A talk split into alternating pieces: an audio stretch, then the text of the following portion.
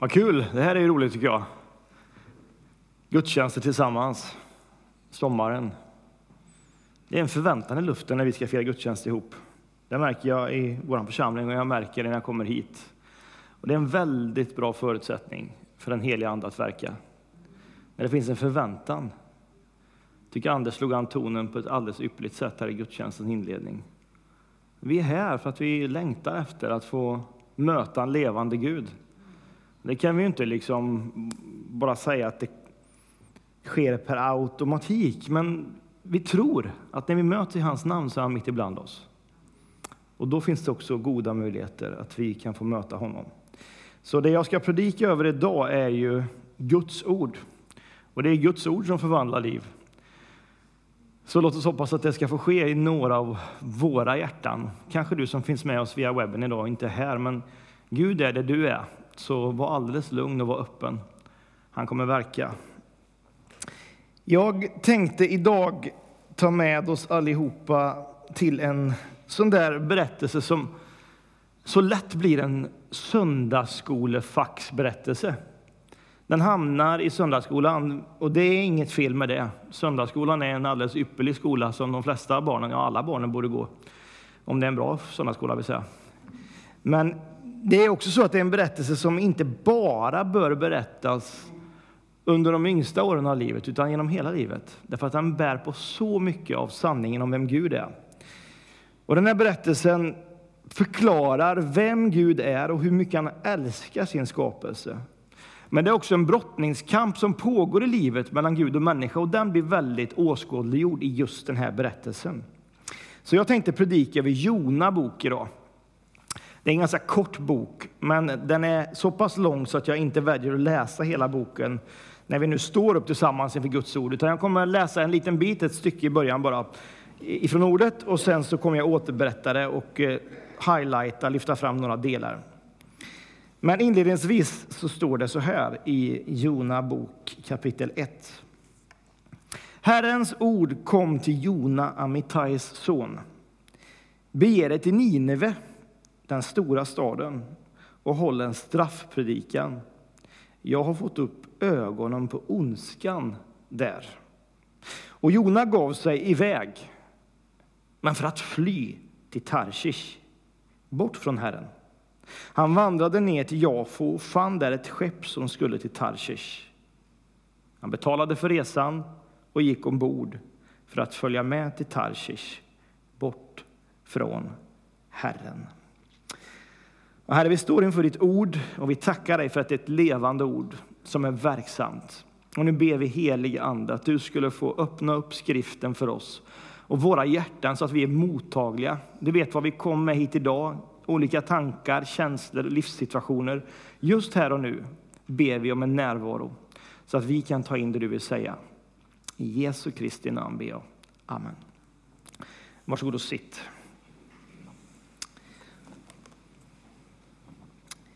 Får jag bara säga någonting om den här boken i korthet för att du ska få en liten bakgrund. Den är skriven troligtvis inte av Jona själv utan av någon annan. Och den kommer till oss cirka 750 år före det att Jesus Kristus ska födas till jorden. Jona lever i Nordriket Israel. Han är hebre, alltså jude. Och eh, mycket tyder på att Assyrien och Assyriska riket för den här tiden var en stormakt. Och där var Nineve själva huvudsätet för det assyriska riket. Det är en så stor stad att det är ungefär 120 000 invånare, nio mil i omkrets. Det är en rejäl stad. Och enligt Bibelns egna uppgifter så tog det alltså tre dagar att färdas igenom staden. Det är rejält alltså. Det tar tid. Det är stort. Och det som händer initialt i berättelsen, det är att Gud kallar på en människa som heter Jona. Bege dig till Nineve, den stora staden, och håll en straffpredikan där. Jag har fått upp ögonen för ondskan som finns där. Jona kallas till profet. En profet skulle man kunna säga är ett slags språkrör som var väldigt vanligt under den här tiden. Gud använde sig av profeterna särskilt under Gamla testamentet. För att påminna folket om förbundet, det här förbundet som Gud hade instiftat med sitt eget folk. Och troheten som var sluten, som var liksom själva signumet på kärleken, på att man tillhörde den levande guden. Profetens uppgift var att tala ut Guds budskap, sanningen från Gud till människor. Vi tänker ofta, kanske vi som har hört ordet profetia, att det har att göra med framtiden. Men primärt handlar det faktiskt om nutiden. Nu händer det någonting som Gud vill säga till sitt folk. Så han var en slags tolk, Jona, skulle man kunna säga.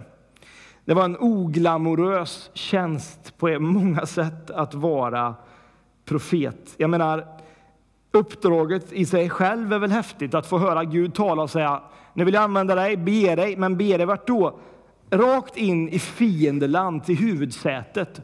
Och där ska du inte tala kärlek, nej, du ska, tala, du ska hålla en straffpredikan där. Jag menar, man, man kan ju få lättare uppgifter, absolut. Berätta för folket om deras löftesbrott, men tala också om omvändelse. Jona får det här till sig och han funderar, vad ska jag göra? Han fattar beslutet att röra på sig. Men istället för att gå ditåt, dit Gud har sagt, så går han precis tvärtom, ditåt. Ganska ofta det vi själva står i också, eller hur? Vi vet att vi ska ditåt, men det är någonting annat som drar i oss och så väljer vi att gå ditåt. Flykten tar Jona till. Han flyr ifrån Gud. Han flyr till Tarshish och det är den kända världens västligaste utpost. Alltså han flyr så långt bort han kan tänka sig komma från Gud. Om man nu kan fly från Gud. Det räcker nog inte att ta sig till Tarshish för att Herrens ögon ska undslippa Jona. Men det intressanta att fråga sig är varför flyr Jona? Jag menar, de, de flesta av oss som flyr, flyr från någonting som är ont. Jag vet att det finns människor här som har flytt ifrån krig. Det finns människor här som har flytt ifrån destruktiva relationer, ifrån minnen, ifrån jobbiga känslor flyr vi. Men, men Jona flyr initialt från någonting som är gott. Gud vill rädda folket i Nineve genom Jona. Så varför flyr han?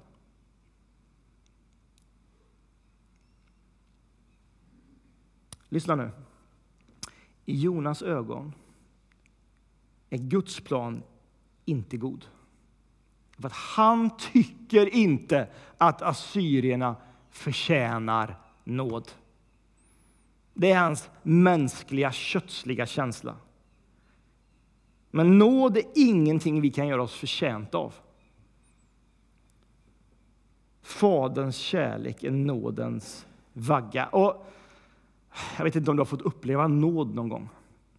Jag har fått vara med om det några tillfällen och det har blivit ganska starka berättelser. En sån berättelse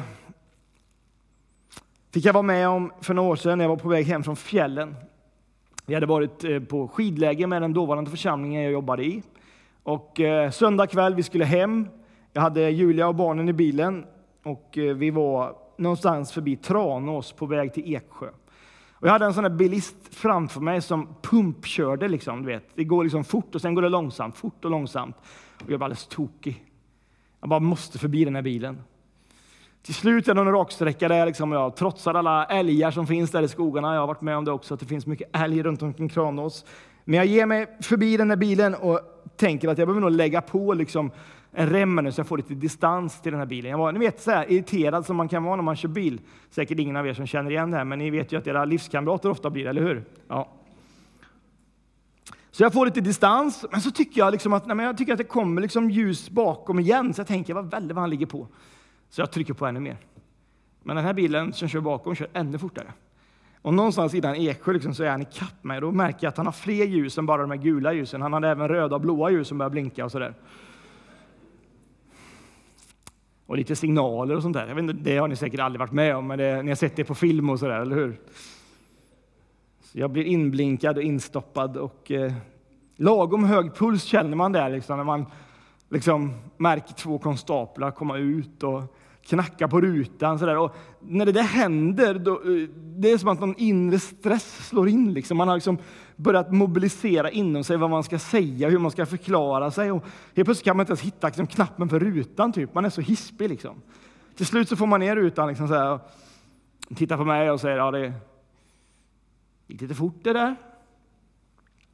Och det, då, då slår det till mig det här verbala gåvan, tack Herre, som jag fått. Liksom, att nu, nu ska jag förklara mig.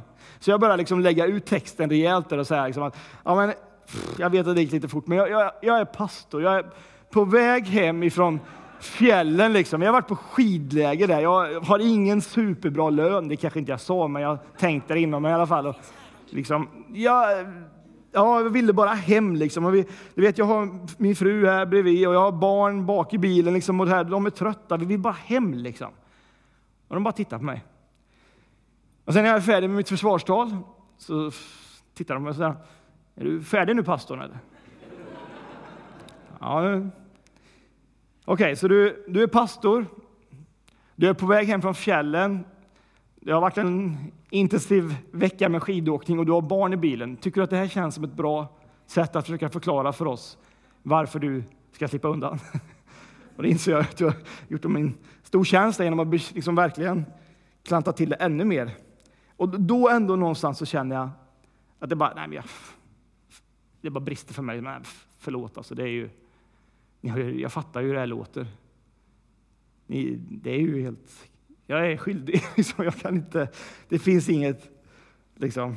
Och jag inser där och då att nu, liksom, nu kommer det här straffet och nu kommer jag bli av med körkortet och nu tar de säkert liksom, pengarna ifrån mig. Och liksom, ah, en lagom god känsla. Men de går ifrån en stund och så kommer de tillbaka och så säger de mm. Nej, vi tror nog pastorn har lärt sig en läxa här. Så vi låter det gå den här gången. Och den där känslan, vet, att få bli oförtjänt benådad. De visste ju inte att de gav mig en predikan. För precis det där är evangeliet. När vi tror att det är med hjälp av våra egna rättfärdiggjorda gärningar, vårt försvarstal, som vi ska förklara varför vi liksom förtjänar Guds kärlek, då går vi bara vilse. För vi kan inte peka på oss själva och säga jag är tillräcklig. Eller hand upp, den som kan där inne så vill jag gärna lyssna på dig efteråt och höra varför. Utan det är när vi inser att vi inte förtjänar som vi också kan få ta emot nåden. Det är kristen tro, eller hur? Av nåden är frälsta, skriver Paulus i Fesebrevet. Inte av er själva, Guds gåva är det. Det beror inte på gärningar. Och i Romarbrevet 3.23, alla har syndat och gått miste om härligheten från Gud. Jona han flyr, för han tycker inte att de här människorna förtjänar Guds kärlek. Men Gud hinner ifatt honom. Och nu kommer alldeles strax Jona komma till insikt. Därför att han hamnar mitt i en storm. Och den här stormen på båten på väg till Tarshish, den håller på att ta livet från de här oskyldiga människorna på båten som bara är på väg dit.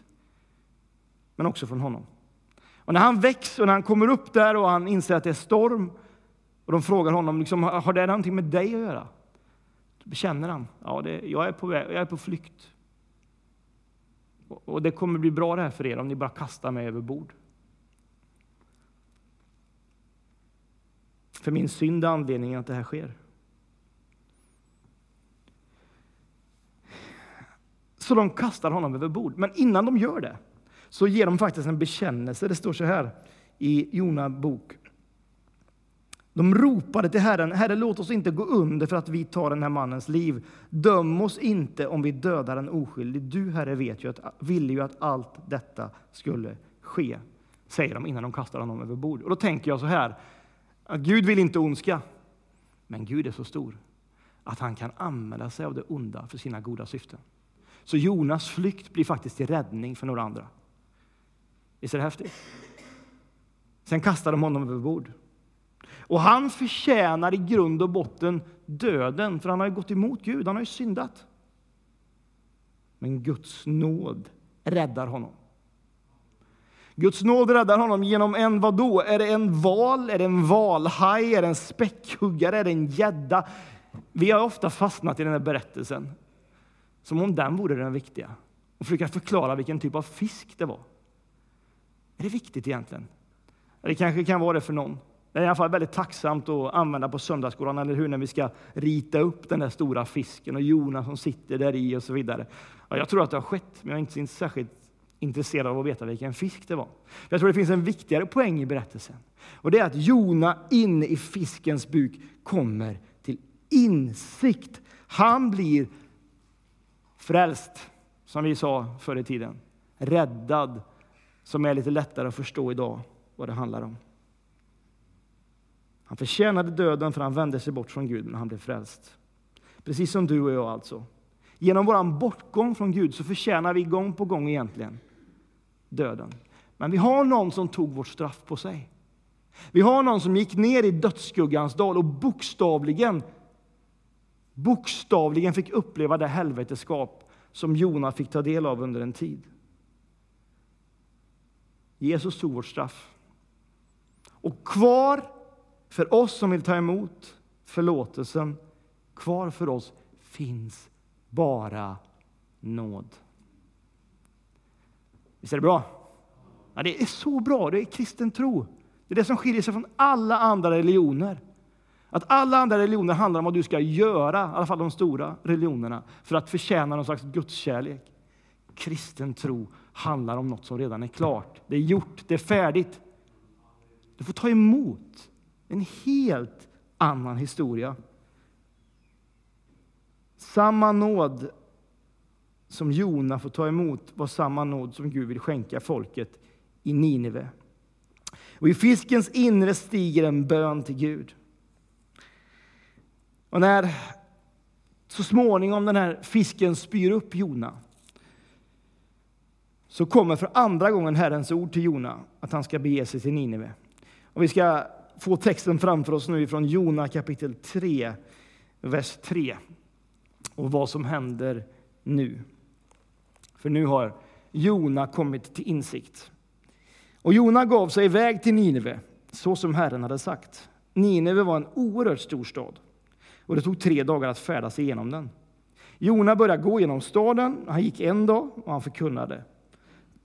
Om 40 dagar ska Nineve förstöras.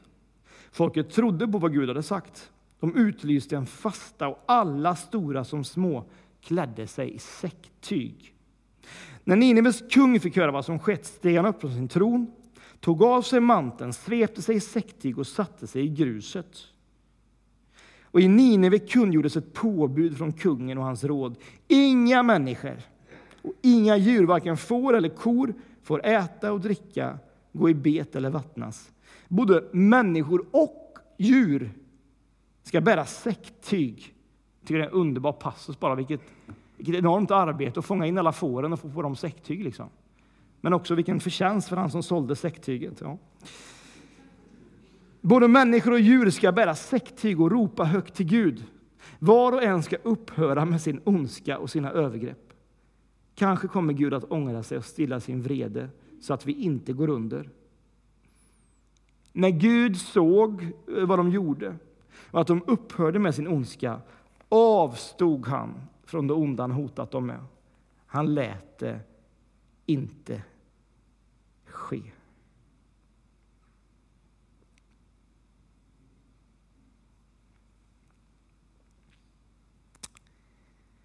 Jona får en andra chans. Han får en andra chans att göra rätt. Och C.S. Lewis har sagt så här C.S. Lewis som författade bland annat Narnia-böckerna. Om en människas omvändelse till Kristus inte förändrar den människans yttre handlingar till det bättre så tror jag att den människans omvändelse inte var något annat än ren fantasi. Alltså om inte omvändelsen får sitt uttryck i en förändring av livsstilen eller sitt sätt att vara, då kan man ju kanske fundera på om det verkligen har hänt på insidan. Ha med det lite grann. För nu när Jona får sin andra chans, då gör han ju det. Och det är så typiskt Gud att ge människan en andra chans. Att det aldrig är kört i Guds rike. Gud ångrar sin skapelse, men han börjar om på nytt med Noa och hans familj. David är otrogen och mördar, men Gud upprättar honom. Petrus bryter sitt löfte och förnekar Jesus tre gånger. Jesus visar sig uppstånden och bekräftar Petrus kallelse en, två, tre gånger. Den yngste sonen i en av berättelserna som Jesus ger om två söner. Han tar arvet, han förnedrar sin pappa, han drar iväg, han förkunnar död i sin pappas ögon. Men ändå beskriver Jesus en fader som tar emot sonen när han kommer tillbaka. Med fest och slaktad gödkalv och enorm kärlek. Och nåd så väldig som en flod. Och jag måste vara ärlig och säga att gång på gång känner jag att jag misslyckas i mitt uppdrag som pastor i Tibro för att leda folk här. Men ständigt blir jag påmind om genom Bibeln och andra människor att Gud är förlåtande och ger mig en chans till. Och så också dig. Och så också Jona. Och han går genom staden och han predikar högt och brett. Om 40 dagar ska Nineve förstöras. Och jag vet inte vilka känslor som går genom hans kropp vid den här tiden. Mycket har ju hänt i hans liv.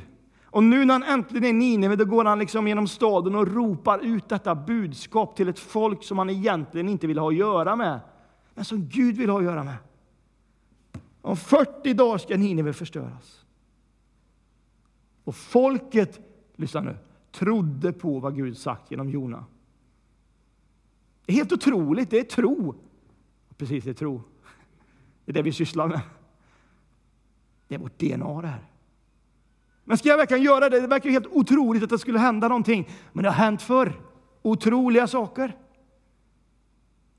Så varför ska vi inte be en gång till? Gå en gång till. Förkunna en gång till. Folket tror på vad Gud har sagt. Och det utlyser en fasta och alla stora som små klär sig i säcktyg. Och kungen, Nineves kung, sätter sig i gruset där ute.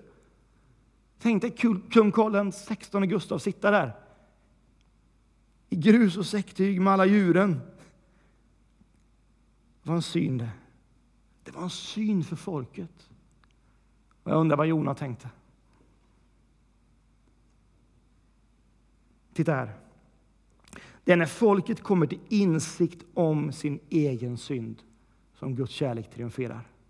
Alltså nåden har en hake, den måste haka i någonting. Den är inte liksom exkluderad här borta, här är nåden, bara nåden. Det räcker inte. Nåden måste haka i någonting. Vad då? Insikten om sin egen synd. Om sanningen. När Johannes beskriver Jesus så säger han att Jesus var full av nåd och sanning. Det hör ihop. Men när vi bekänner våra synder är han trofast. Han förlåter, han benådar, han försonar. Och i den tionde versen så läste vi, när Gud såg vad de gjorde, att de upphörde med sin ondska, avstod han från det onda han hotat med. Han lät det inte ske. Och nu kan man ju tänka sig, Jona, nu, nu måste han ju ändå sträcka sina händer i lovsången, liksom. fira med folket, krama om. Halleluja, Herre! Din är äran, din är nåden. Men så står det inte. Det står i kapitel 4, vers 1. Då blev Jona mycket missnöjd. I vredesmod bad han till Herren. Var det inte det här jag trodde redan där hemma? Det var därför jag ville fly till Tarshish förra gången. Jag visste ju att du är nådig och barmhärtig Gud, sen till vrede och rik på kärlek, beredd att ångra det onda du hotat med. Så ta mitt liv, Herre. Det är bättre för mig att dö än att leva.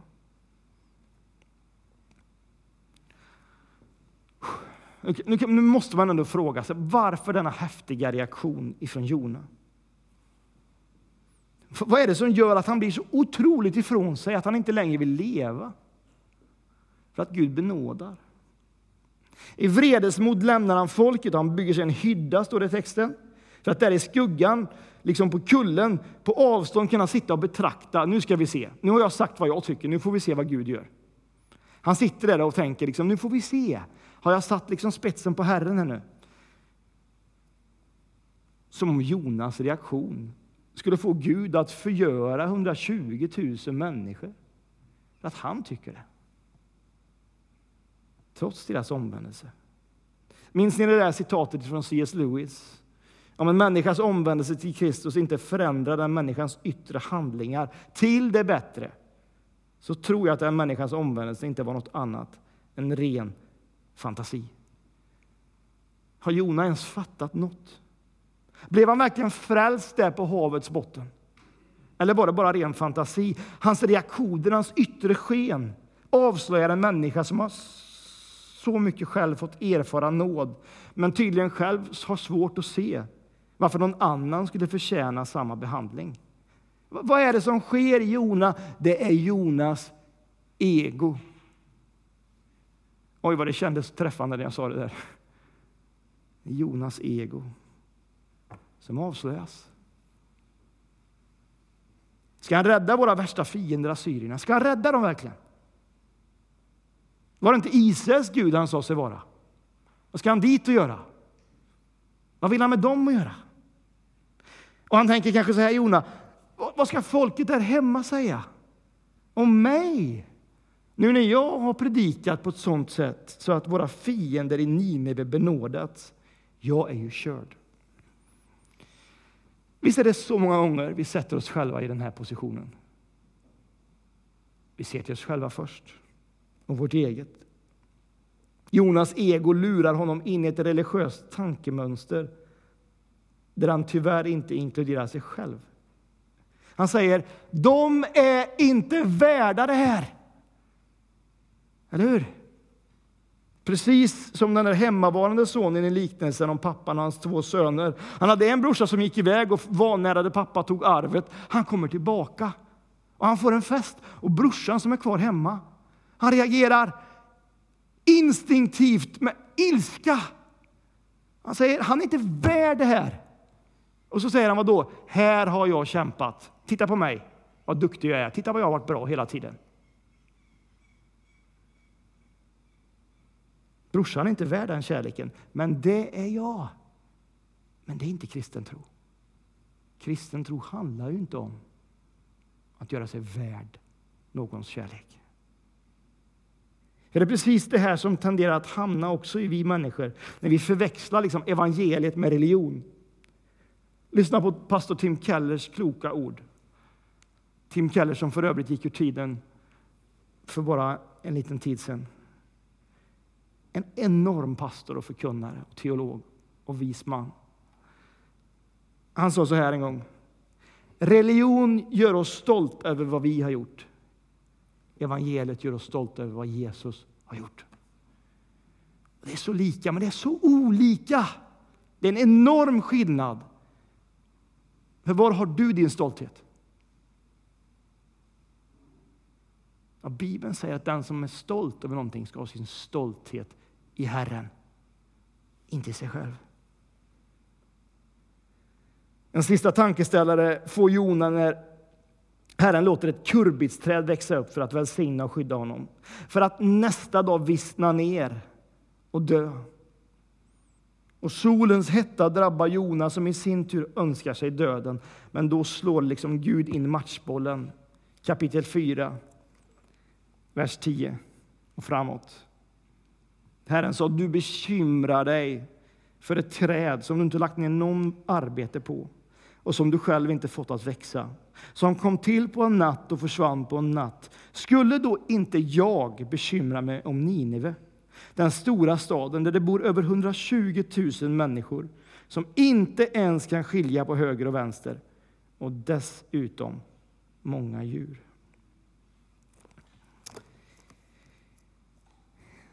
Det är en så bra berättelse. Det bästa är att den är sann, tror jag. Alltså. Avslutningsvis. För mig, det som berör mig allra mest i den här berättelsen om Jona och hans kallelse Det är Guds oerhörda kärlek till oss människor. Att han verkar vara en Gud som alltid vill ge oss en chans till. Hörde du det? Det är liksom aldrig för, för, för sent. Nåden har sin vagga i insikten om egen synd, men det är aldrig för sent.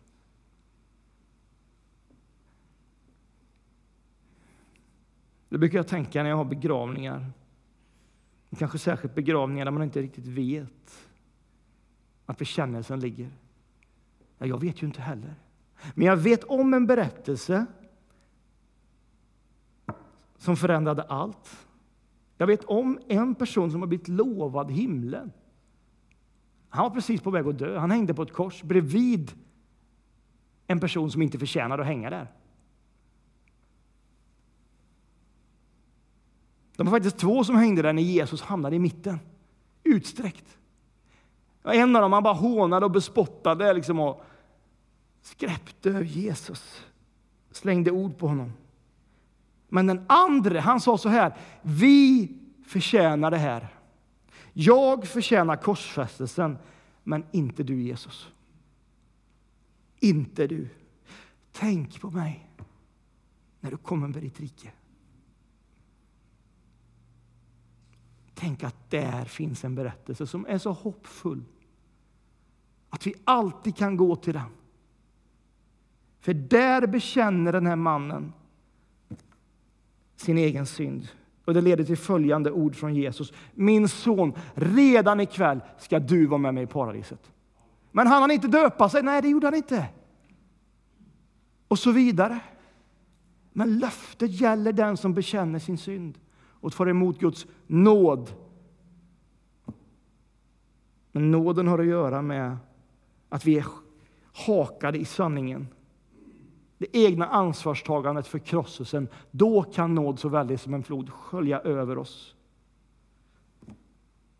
Den här berättelsen om Jona är berättelsen om Guds kärlek till varje syndare. Jonas flyr från Gud går emot Guds vilja, syndar. Och på båten i stormen bekänner han att, han att skulden är hans och där och då griper Guds kärlek in. Gud räddar Jona mirakulöst, helt oförtjänt, genom sin stora nåd. Och folket i Nineve hör Guds ord om sin egen skuld genom förkunnelsen, erkänner sin synd. Och då sköljer nåd så väldig som en flod in över Nineve. Och någon har sagt, nåd tar vid där mänsklig stolthet slutar. Jag har ingenting att komma med inför dig, Jesus, precis. I mig har du allt. Låt oss be. Tack Jesus. Tack Jesus för att du gick i dödsriket frivilligt. Du blev inte kastad över bord. Det var att du hade gjort fel. Du blev kastad över bord för att jag har gjort fel. För att vi har gjort fel, för att vi har syndat och gått miste om härligheten. Men din kärlek var så stor. Och jag tackar dig för det. Och jag ber helige Ande för den som är här idag, som längtar efter att få ta emot nåd. Kom till insikten om synden, och Herre. Så att vi får bekänna och ta emot befrielsen, pulsen som lägger sig. Tackar att du inte är någon konstapel.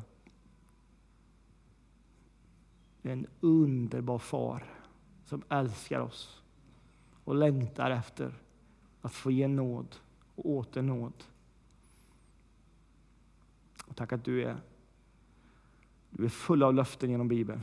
Om vi bekänner våra synder har du sagt att du är trofast och rättfärdig och förlåter oss all vår orättfärdighet. Och nu ber jag Herre för den som längtar efter att få bli förlåten idag. Vi bekänner inför dig, kommer in förlåtelse. Tack Jesus för berättelsen om Jona. Tack Jesus för berättelsen om kristen tro. Tack Jesus. Amen.